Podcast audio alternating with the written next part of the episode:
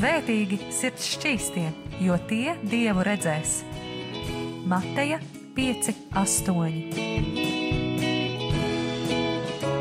Piektdienās, pulkstens 17.00 radio raidījums Tēva meitas.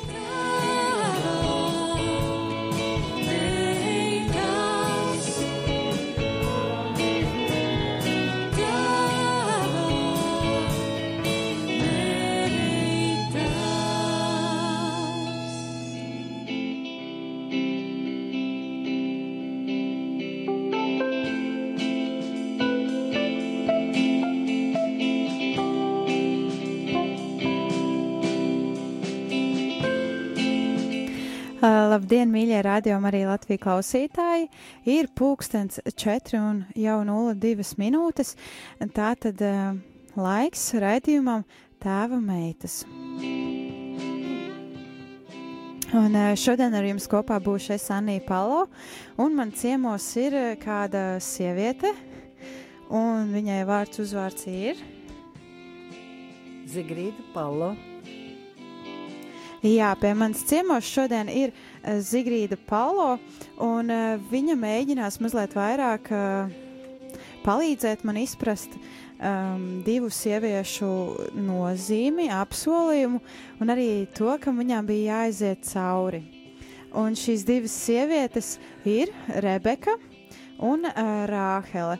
Uh, Rāhele vai Rāēla, uh, kā, kurā tulkojumā ir rakstīts, bet tas jau nemaina uh, sievieti.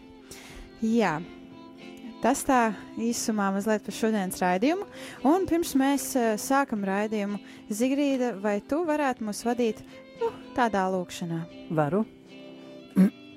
Mīļais debes Tēvs, mēs Tev pateicamies par Tavu lielo mīlestību un žēlastību, ko mēs izjūtam katru dienu, katru brīdi, ka Tu esi ar mums un ka Tu vienmēr iestājies par mums. Uh, Paldies Tev par to, un es Tev ļoti lūdzos, vadi šo raidījumu šodien. Esi Tu mūsu viesis un dod mums būt paklausīgām Tavām meitām. Paldies Tev, ka Tu mums tāds esi un ka mēs varam nākt pie Tevis jebkurā brīdī. Āmen! Āmen! Paldies, Zigrīda! Un, eh, kā jau es arī iepriekš pieminēju, mēs šodien runāsim eh, par divām sievietēm, par Rebeku un par eh, Rāheli.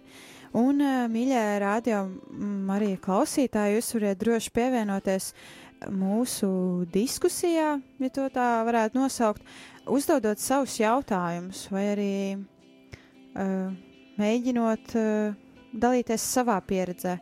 Kā jūs esat sapratuši šo mm, stāstu? Un sazināties ar mums jūs varat pa tālruņa numuru 67 969 131 67 969 131. Un rakstīt SMS vai sūtīt ziņas caur WhatsApp, jūs varat uh, droši uz tālruņa numuru 266 77 272 2 66 77 272. Un uh, sūtīt e-pastus jūs arī droši drīkstat. Tas ir atļauts ar uh, kādiem jautājumiem vai iedrošinājumiem uz studija at rml.clv.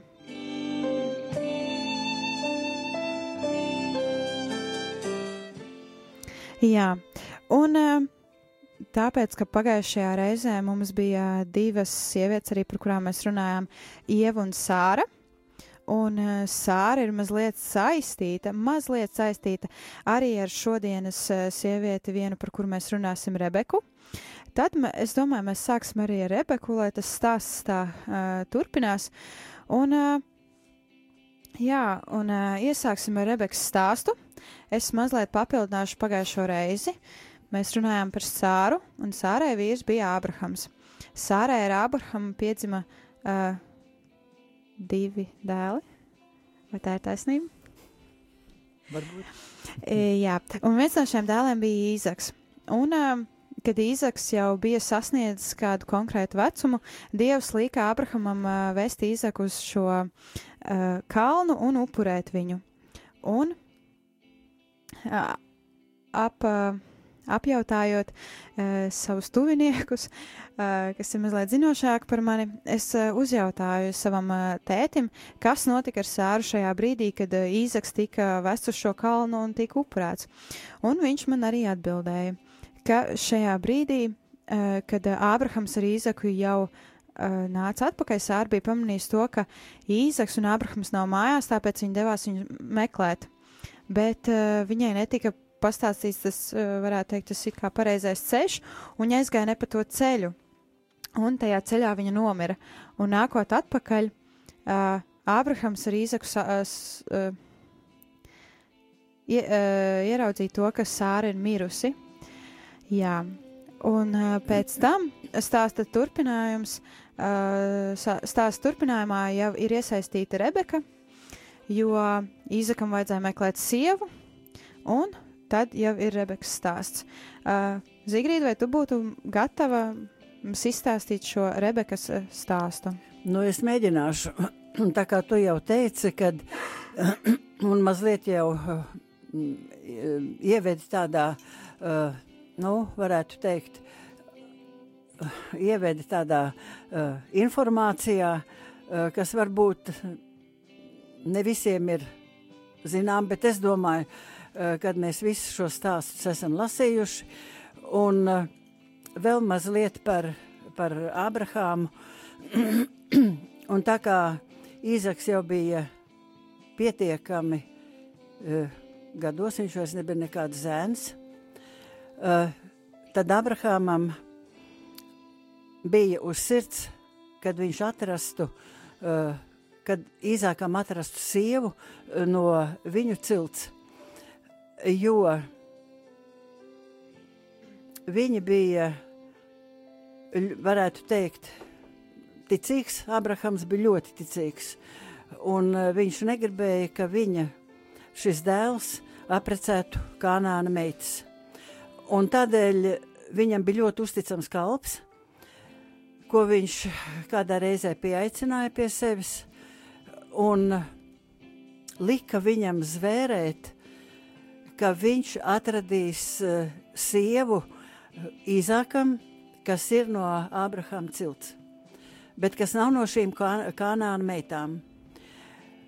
Un ļoti interesanti. Mums tā, mēs tā neesam nekad ne piedzīvojuši, ne dzirdējuši, kāds bija šis solījums, kādā veidā uh, abra, šim kalpam vajadzēja zvērēt Abrahamam. Un Abrahams viņam uh, lika, lai viņš savu roku noliek zem Abrahāma ciskas. Un tas bija tas zvērests, ko viņš nedrīkstēja pārkāpt. Bet eh, šis kalps vēl arī pēc šī zvēresta nedaudz bija tā kā samulss, un Abrahamam teica, bet ja nu tā uh, meitene, ko es uh, ieraudzīšu, nebūs ar mieru būt, nākt man līdzi, un būt īzākam sieva. Tad Abrahams atbildēja, tad tu esi atbrīvots no šīs, no šīs vērsta. Un tā šis kalps devās ceļā. Arī viņš ļoti lūdza Dievu, lai Dievs viņam parāda. Viņš ar saviem uh, dzīvniekiem, tur bija kamieļi un, un kas tik tur visi viņam nebija līdzi, ar ko viņš devās tātad uz Abrahama, pie Abrahama cilts radiem. Un viņš nonāca pie akas, kur uh, cilvēki nāk gan lopu gani, gan arī citi uh, pie akas uh, ūdeni smelt. Un viņš lūdza Dievam, lai Dievs viņam parāda, kura būs tā, kuru vajadzētu šim kalpam uzrunāt. Un šī lūkšana bija tāda, ka nāks šī meitene, tad viņš, jau, viņš viņai lūgs padzerties. Un tiešām pēc brīža nāca šī meitene, vārdā Rebeka, Un viņš viņai uzjautāja, vai tu man dos no, savā, no sava dzeramā trauka padzerties? Un viņa teica, jā, kungs, es došu tev. Un ne tikai vien tev, bet arī taviem šiem kamieļiem. Un uh, šis kalps sajūta, ka tā ir Dieva atbilde. Un tad, kad viņš šo, šo meiteni izprašņāja, no kurienes viņa ir, kas ir viņas vecāki, uh, un tad viņš uh, saprata, ka tā meitene ir tiešām no Ābrahāma cilts. Un tā bija Ābrahāma, Ābrahāma brāļa dēla meita. Un viņš to visu uzzinot, viņam bija līdzi dažādas, dažādas dārglietas, un viņš to uzzinot, ka tā ir no viņa, no Abrahāma cilts, šī meitene, kas bija ļoti, ļoti skaista un arī nevainīga. Viņa bija neaiztikta. Un viņš viņai lika, viņš jau bija sagatavojis, viņš viņai lika ap pieri sprādzi, zelta sprādzi un ap abām rokām zelta sprādzi. Un viņa, viņš jautāja šai Rebekai, vai tavās mājās būs vieta man pārnakšņot. Vai tur ir uh, tādi apstākļi? Un, un viņa atbildēja, ne tikai tev, bet arī taviem uh, šiem kamieļiem, šiem dzīvniekiem būs vieta. Un viņi devās uz viņas māju, kur pirmo, ko viņi satika, tas bija Lābans, un tas bija Rebekas brālis. Un viņš atkal jautāja šim kalpam, no kurienes tu nāc un kas tu esi. Un kalps atkal visu šo stāstu izstāstīja. Un Rebeka gāja pie sava, iekšā tātad pie saviem vecākiem, un arī to visu stāstīja. Un tad, kad viņi ieraudzīja šo pieres sprādzi un sprādzi uz rokām,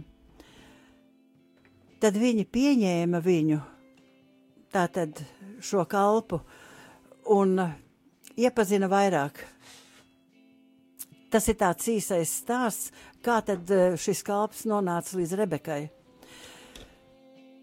Un nākošajās dienās, cik ilgi pagājis, eh, tas nav teikts, bet uh, viņš izstāstīja Rebekas tēvam to visu, un viņš teica,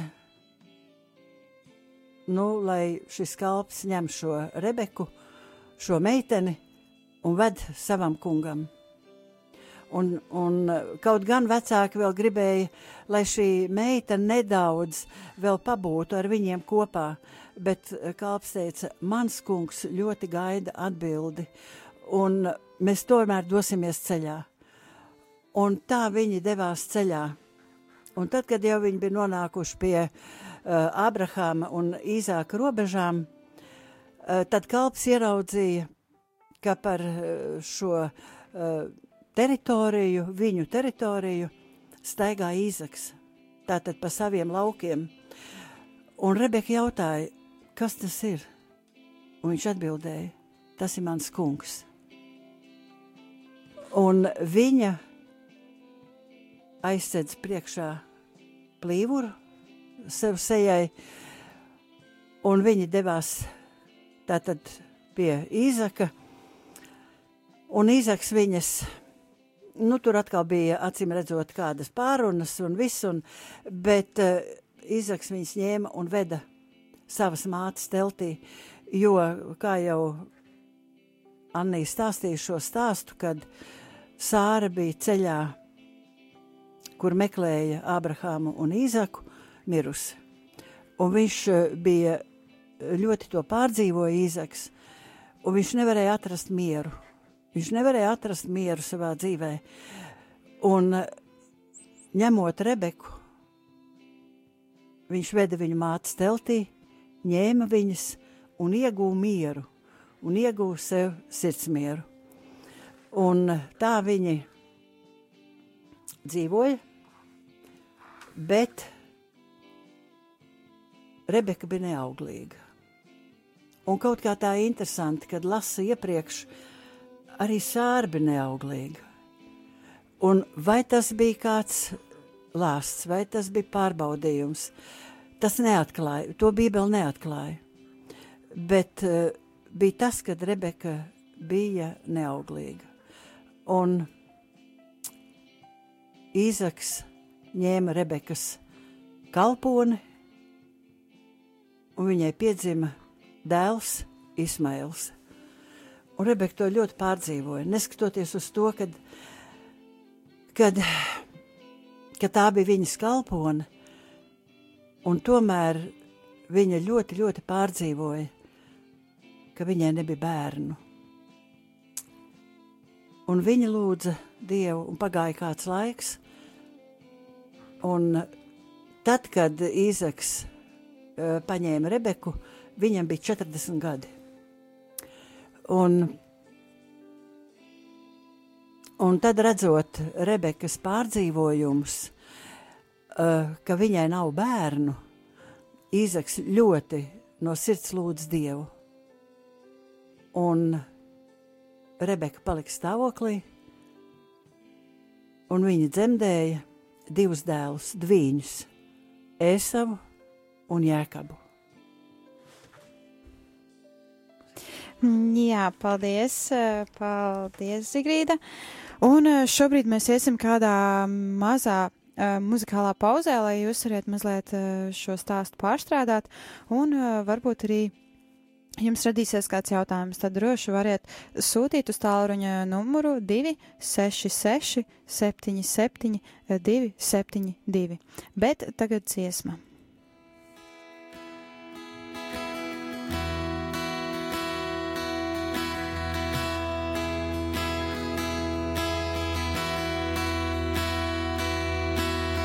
Es esmu zieds, Dieva rokām sēdz. Viņa dārzā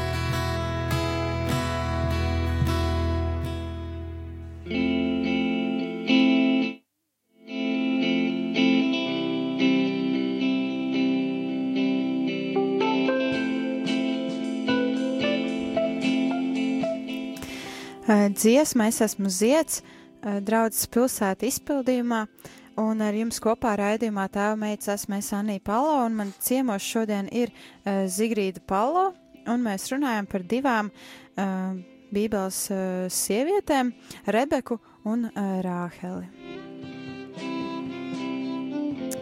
Un iepriekšējo šī raidījuma sadaļu mēs pabeidzām ar to, ka uh, Rebekai un Īzakam piedzima divi dēli. Ēsaus un Jēkabs, bet es vēlos mazliet atvainoties Zigrīdas vārdā. Īzakam nebija blakus sieva, un viņiem ar Rebeku bija tikai divi bērni. Ēsaus un Jēkabs.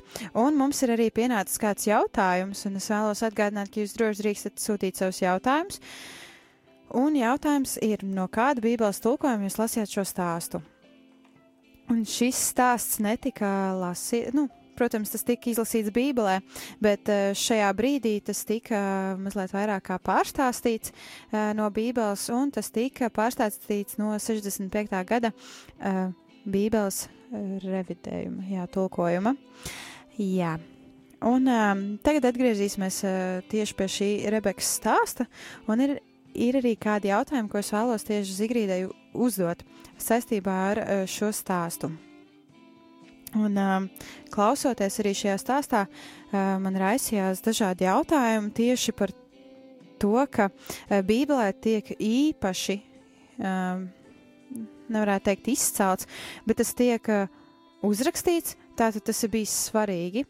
Un tur ir rakstīts, šo stāstu var arī lasīt pirmajā mūzes grāmatā. Uh, viņa bija ļoti skaista, izskata jaunava, un to neviens nebija aizticis. Un mans jautājums ir, uh, vi, uh, vai bija viegli apzināties Rebekai, uh, ka Dievs ir radījis viņu patiesi skaistu un uh, iekārojamu? Es domāju, vai viņa apzinājās, vai viņa neapzinājās, ka viņa tik ļoti skaista.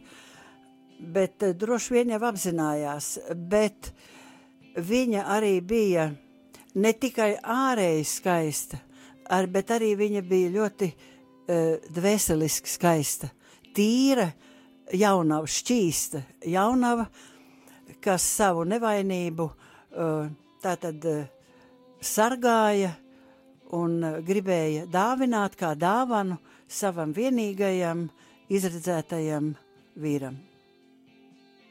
Jā, un lai gan arī uh, tad, kad viņa satikās ar uh, Īzaku, lai gan tur bija kādas problēmas tieši ar uh, šo ne neauglības jautājumu, uh, bet uh, kopā viņi, manuprāt, izgāja tam brīnišķīgi cauri, ka viņi turējās kopā, ka Īzaks tomēr neaizgāja pie tām blakus sievām, bet uh, viņš lūdzās no Dieva šo, tā varētu teikt, dāvanu, šo brīnumu, ka viņam varētu būt bērni.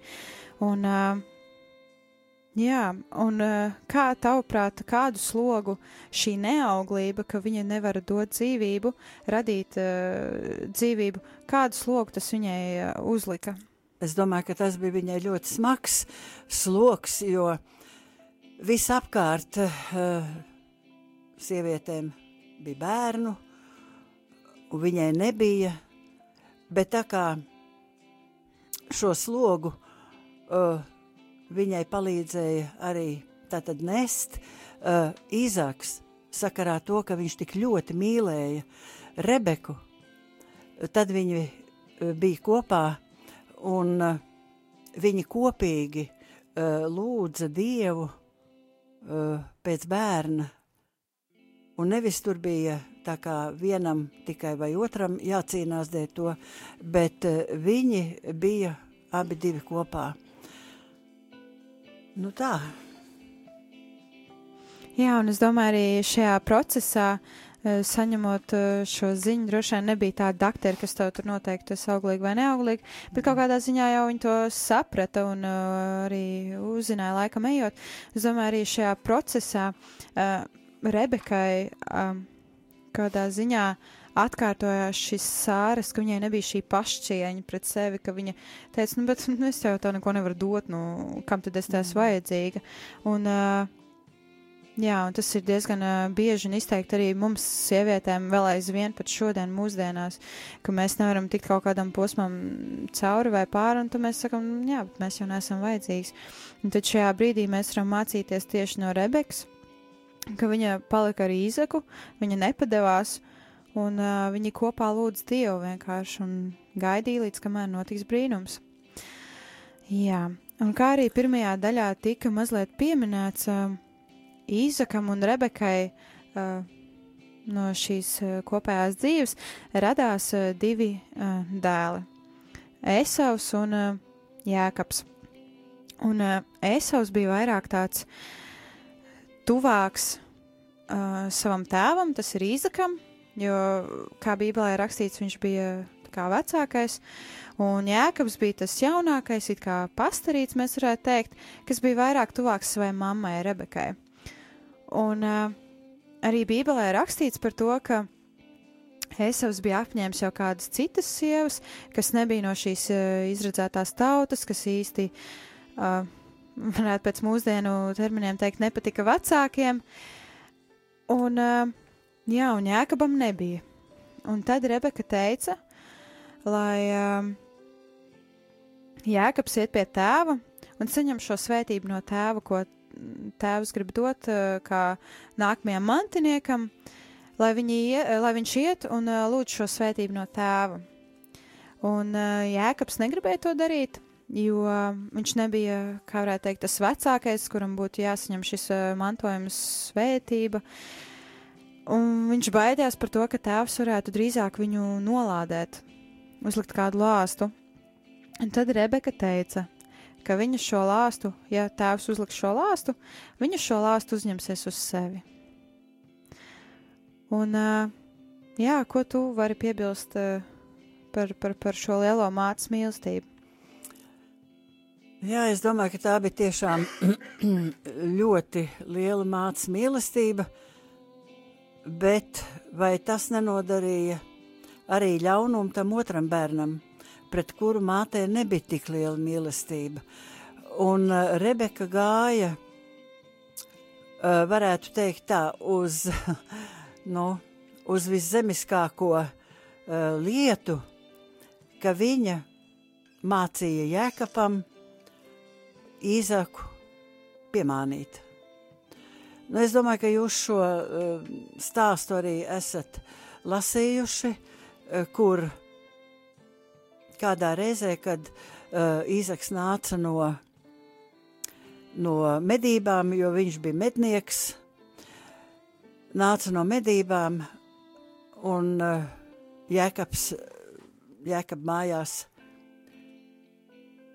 smaržoja pēc uh, ēdiena, un uh, viņš lūdza, un Jēkabs viņam teica, labi, es tev došu ēdienu, bet tu man savu pirmdzimtību. Un uh, to visu dzirdot, to visu dzirdēja uh, arī māte Rebeka, un viņa samācīja jēkapu, un, var teikt tā, pārģērba jēkapu tādās ādās un drēbēs, kādas bija Ēsavam, un sūtīja pie tēva, lai viņš saņemtu šo tēva svētību. Un sākumā it kā tēvs tur, vai kā, kas tu esi, un izjautāja, un tomēr viņš sajūta šo smaržu, un pieņēma to, un svētīja jēkapu. Un tā tad jēkapam bija šī, jēkaps saņēma uh, no sava tēva pirmdzimtības svētību.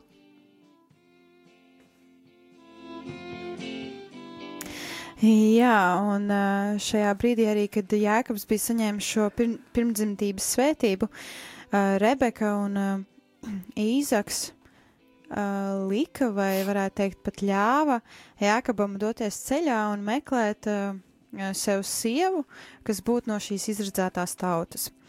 Un eh, tā viņš arī devās, un eh, tā arī mēs dosimies kādā muzikālā pauzē.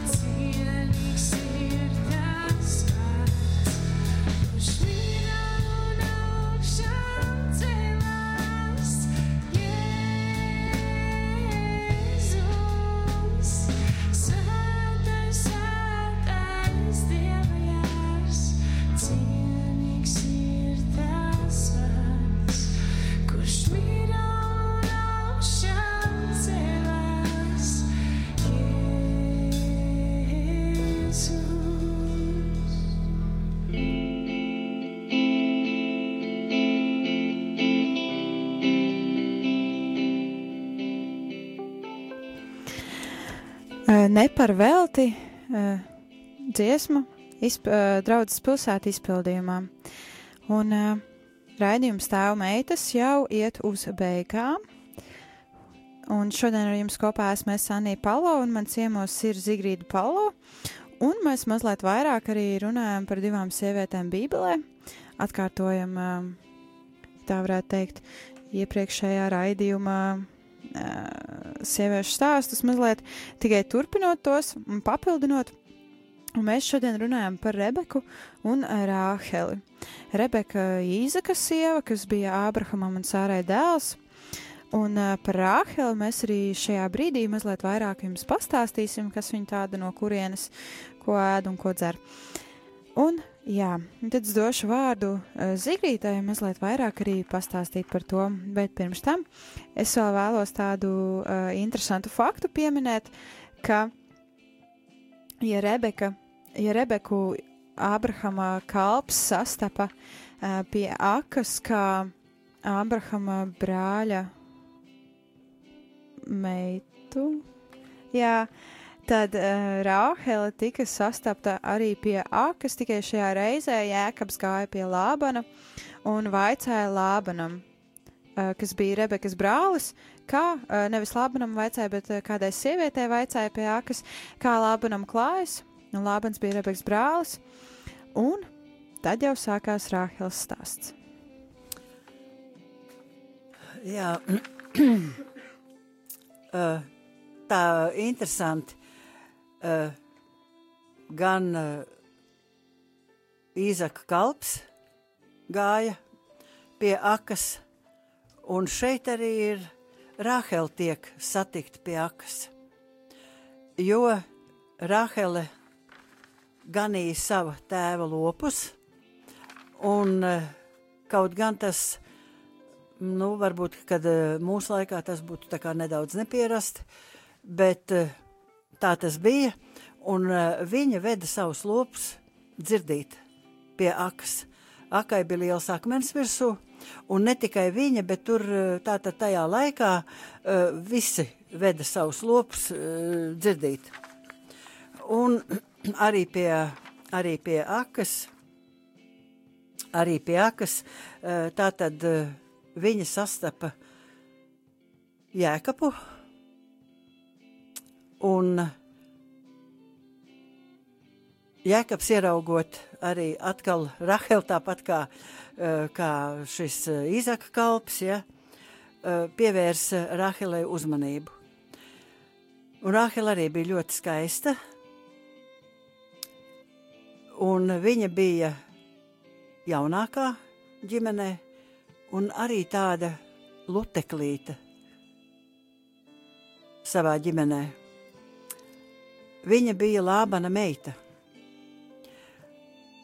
Un eh, pie šīs sakas viņa padzirdīja, kad uh, Jēkabs noņēma šo akmeni, tad viņa uh, padzirdīja savus lopus, un, un Jēkabs izstāstīja, ka viņš ir radinieks, ka viņš ir Rāheles radinieks. Un Rahela tā tad viņu veda uz, uh, uz mājām, lai tur iepazīstinātu ar saviem, ar saviem vecākiem. Jā, un kā jau arī tu minēji, uh, Rāhela bija luteklīte, bet interesants tāds fakts priekš mums, uh, kas mēs tagad esam, ka Rāhelē bija jāgan lopi. Nu jā, mēs to nesaprotam. mēs to nesaprotam. Nu, arī Bībelē tas nav rakstīts nekur. Kāpēc tas tā bija? Tā tas bija, un tā tas ir jāpieņem. Jā, un arī pierasts ir, ka Bībelē vienmēr vīrieši bija tie ganu, uh, nē, lopu gani, kas gāja un um, ganīja šos lopus. Un tas tāds mazliet nepierasts fakts, bet uh, jā, Jēkabs sastapa Rāheli, kas uh, izrādījās viņam sieva. Bet Rāhelē arī bija kāds interesants fakts, kas jau ir bijis divām iepriekšējām sievietēm, par kurām mēs runājam, ka viņa arī bija neauglīga. Kā, kā Jēkabs ar uh, šo cīnījās, ja tā varētu teikt? Nu, es nezinu, kā viņš cīnījās ar viņu, ar šo problēmu, eh, bet tad, kad eh, viņš aizgāja eh, pie Lābana, tas ir tātad pie Rāheles tēva, viņu mājās, tad viņš piedāvājās, ka viņš kalpos viņam, un par atalgojumu grib saņemt Rāhelu kā sievu. Un viņa līga, kad, eh, kad viņš kalpos viņam septiņus gadus. Un tad, kad bija septiņi gadi pagājuši, eh, pa šo laiku jau Jēkabs un, un Rāhela bija viens otru ļoti iemīlējuši. Un tad, kad šie septiņi gadi bija pagājuši, eh, tad, mm, tad viņš prasīja Lābanam, Rāheles tēvam, lai viņu, lai viņam dod Rāhelu pa sievu un lai atlaiž. Bet interesanti, kad Lābans to nedarīja, un eh, viņam bija jākalpo vēl. Un tad uh, Jēkabs sarīko, ne Jēkabs, bet uh, Lābans sarīkoja dzīves, un uh, Jēkabs varēja ņemt Rāhelu par savu sievu. Un tu jautāji, kā viņš tika ar šo neauglību galā. Rāhelē bija vecākā māsa, Lea. Viņa nebija tik skaista. Varētu teikt, pat viņai bija kādas problēmas. Un tad, kad bija nu, mūsu, mēs teiktu, šīs kāzas, eh, tad eh, Jēkabam vajadzēja iet pie Rāheles, bet Lābans Rāheles vietā eh, Jēkabam nezinot, iedeva Lējā. Un viņš viņas ņēma, un Rāhela palika stāv, un uh, Lējā palika stāvoklī. Un Jēkabs par to ļoti uh, pārdzīvoja, bet Lābans teica, tā pie mums ir pieņemts, ka vecākā, vecākais bērns ir jāizdod pirmais pie vīra, un tad tikai jaunākais. Un tad atkal viņš, Jēkabs atkal uh, kalpoja Labanam, un vēl pagāja septiņi gadi. Un viņš tiešām ļoti godīgi kalpoja. Bet uh, uzzinot to, ka Rahela ir neauglīga, uh, Rahela redzot, kad Lea dzemdēja Jēkabam bērnu, bērnus, viņa palika, nu, varētu teikt, greizsirdīgi uz Lea. Un tur uh, radās, uh, var, varētu teikt, tā, tāds ģimenisks, uh, nu, ne, ne, ne pilnīgi naids, bet, bet tomēr, jo faktiski jau Rahela gribēja arī Jēkabu sev pa vīru. Un tad pienāca tas laiks, vēl šie septiņi gadi. Un, un Labans bija, nu, es gribētu no mūsdienu skatījumā teikt, ka Jēkab, uh, Labans bija viltīgs ar to, ka viņš negribēja savus, uh, savu meitu Rāhelu atdot Jēkabam, bet gribēja, lai viņš tikai kalpotu viņam. Un tā arī Jēkabs darīja. Bet tad, kad bija nākošie septiņi gadi pagājuši, nu tad uh, Lābanam nebija citas izējas. Viņam bija savs solījums jāpilda. Un kaut gan visā tajā, visā tajā laikā, kamēr, uh, kamēr uh, bija tikai Lējā, Lējā tajā uh, laikā tika no Rāheles ļoti nicināta. Un tas arī Lējā ļoti smagi viņa pārdzīvoja to. Un pirms eh, Rāheles dēliem ģimenē daudz dēlu dzima. Jā, un beidzot, beidzot uh, Lābans piekāpās uh, Jēkabam un deva arī Rāhelu viņam par sievu. Uh, jā, kā jau arī Zigrīda mazliet pieminēja, ka pirms tam uh, Jā, šajā ģimenē, Rāhels un Jākapa ģimenē, eh, bija daudz bērnu, tāpēc, ka arī kādā brīdī, kad Rāhela saprata to, ka viņa ir neauglīga un ka viņai īsti nevar pat būt bērni, viņa bija iedeva savu kalponi, un uh, no tās arī Jākapam dzima bērni, un pēc tam arī Lējā, Lējā lai uh, varētu teikt, pat atrieptos savai māsai, uh, iedeva savu kalponi arī Jākapam, un tad, jā, kopā šajā ģimenē desmit bērni, un viens no šiem desmit bērniem ir uh, meitene, uh, Dana, uh. Dīna, kas ir no Lējas, jā. Jā, paldies, Zigrīt, arī par šo stāstu, un kā jūs varat uh, dzirdēt, klausīties, jā, tad uh, pagāja ilgs laiks, uh, kamēr vispār Rāhela varēja tikt pie Jēkaba un kamēr Jēkabs varēja tikt pie Rāheles. Un arī šajā posmā, kad Jēkabs teica, labi, laid mani mājās, es esmu kalpojis savus uh, noteiktos gadus, beidzot ir arī Rāhele pie manis, tad ejot prom arī no šīm mājām, Rāhele apgrēkojās un viņa paņēma uh, tādus terafimus, jā, kas varētu būt pielīdzinām kā tādiem maziem elgdieviņiem, kas Lābanam mājās stāvēja. Jā, un tas arī kaut kādā ziņā bija um, tāds tā kā grēks pret Dievu, kad, kad pa, tiek paņemti šie elgdieviņi, un mums ir arī kāds jautājums. Vai septiņi gadi ir tādi kā mūsdienās, vai cits laika skaitlis? Nu, es domāju, ka to mēs nevaram pateikt, jo tas arī Bībelē nekur nav atklāts. Un mums jāpieņem ir tā, kā tur ir rakstīts, ka bija vieni septiņi gadi, otri septiņi gadi, un, un, un tiešām tas bija garš periods, un kuru Jēkabs ļoti uzcītīgi kalpoja Labanam. Jā.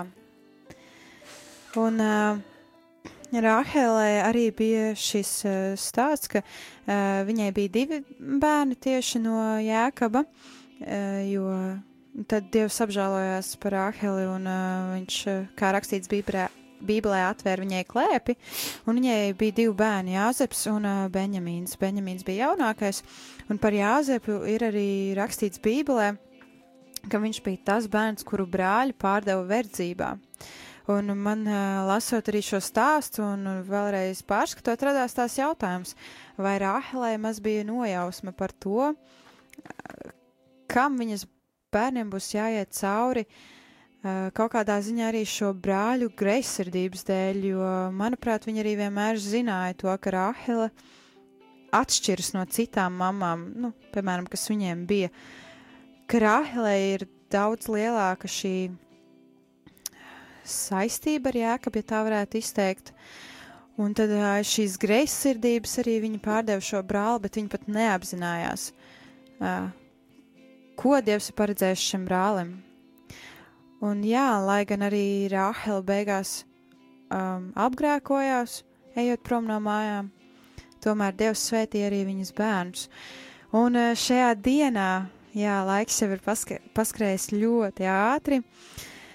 Un mums pat īsti vairs nesanāk laiks uh, vēl kādiem uh, īpašiem jautājumiem. Bet uh, tas, ko es noslēgumā vēlos pateikt, ir, ka Rebekai tika dots šis solījums no Dieva, ka vecākais būs jaunākā kalps. Un, uh, jā, un manuprāt, uh, tas ir arī tāds uh, ļoti spilgts apsolījums, kas Rebekai un uh, kādā ziņā arī Īzakam tika dots. Un uh, Rāhelai iespējams nebija tāds uh, apsolījums tieši precīzi no Dieva dots, bet uh, jā, viņas dēli tika svētīti, viņas, uh, varētu teikt, arī pat lielā ģimene tika svētīta. Un, uh, jā, no Rāheles mēs varam mācīties to, ka arī ja apsolījums nav uzreiz, nevajag sasteigt to un nevajag aizskriet laikam uz priekšu laikam pa priekšu, un uh, Zigrīda vēlējās vēl kaut ko piebilst.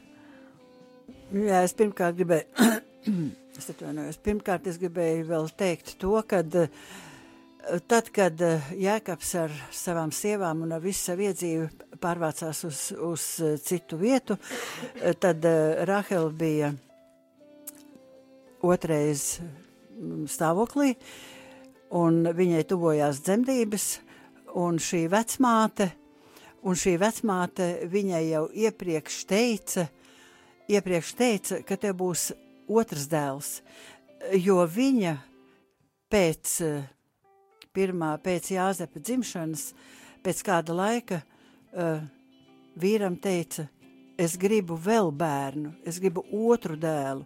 Un šeit arī tā vecmāte apstiprināja, ka tev būs ot otrs dēls. Bet vai viņa sagaidīja šo dēlu piedzimšanu vai ne, jo viņa dzemdībās eh, vai dzemdībās vai tūlīt pēc dzemdībām viņa mira. Eh, Bet man ir viens tāds eh, jautājums jums visiem klausītājiem, ne jautājums, bet tāds uzdevums.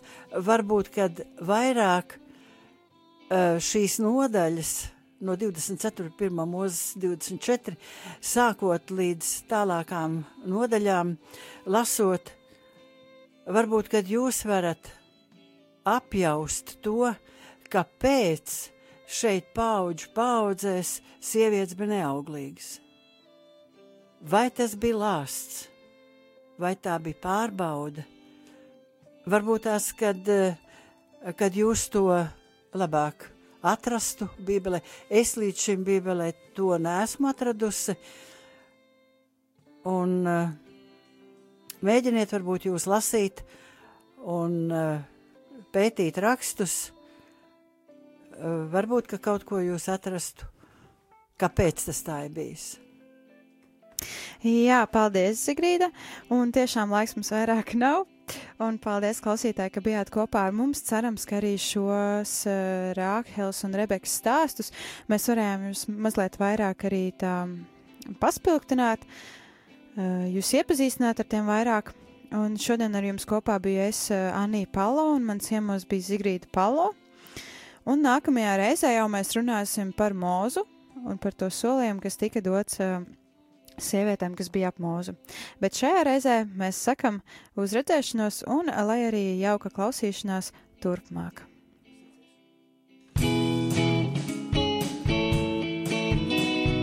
Svētīgi sirds šķīstie, jo tie dievu redzēs. Mateja 5, 8. Piektdienās, pulksten 17.00 radio raidījums Tēva meitas.